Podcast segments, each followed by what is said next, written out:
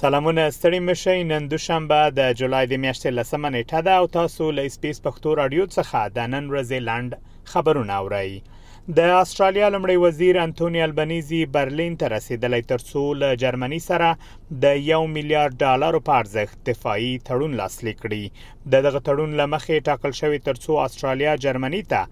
ل زرو زیاتې د بوکسر درنې وسلې وړونکي وسایل ورکړي خغلی البنیزی وایي دا به د استرالیا تر ټولو لوی صادرات وي او شاوخوا زر نوي دندې به رامنځته کړي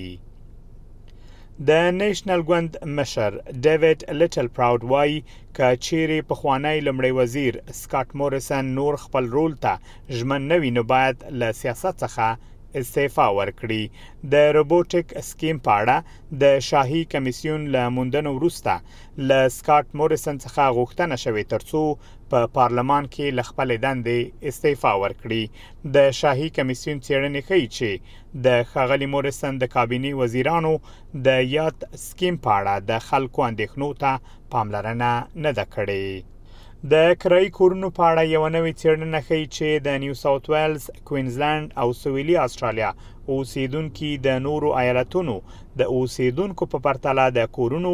د کرایې په برخه کې تر زیات فشار لاندې دي. دغه نوې څېړنه ښیي چې په کوینزلنډ ایالت کې کرای ورکوونکي تر ټولو زیات تر فشار لاندې دي په یاد ایالت کې په منځنۍ کچه د کورونو کرایې شپاړس سلنه په تیر یو کال کې پورته تللې دي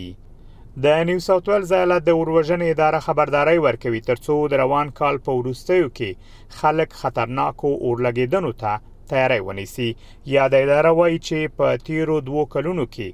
د لانینا د موسمي حالت له امله بوټي زیات شوي او د وچکالۍ له امله دغه ټول د روان کال په اوړي کې د اور لګیدنې لامل ګرځیدای شي د یاد ادارې وینده انجیلا برفورد وایي خلک باید د یخې هوا په موسم کې اور لګیدنو ته تیاری پیل کړي طالبانو یو ځل بیا له نړیوالې ټولنې غوښتي ترڅو پر دوی محدودیتونه کم کړي د طالبانو ویاند ذبی الله مجاهد له طلوع نیوز سره په یوې مرکه کې ویلي چې د اړیکو د خوالي لپاره په کار د ترڅو پر دوی محدودیتونه لری شي د طالبانو له بیا واکمنېدو سره سم نړیوال ټولنې په ځانګړي توګه امریکا پر طالبانو یو شمیر محدودیتونه لګولي لکه د افغانستان د شتمنۍ کنګل کېدل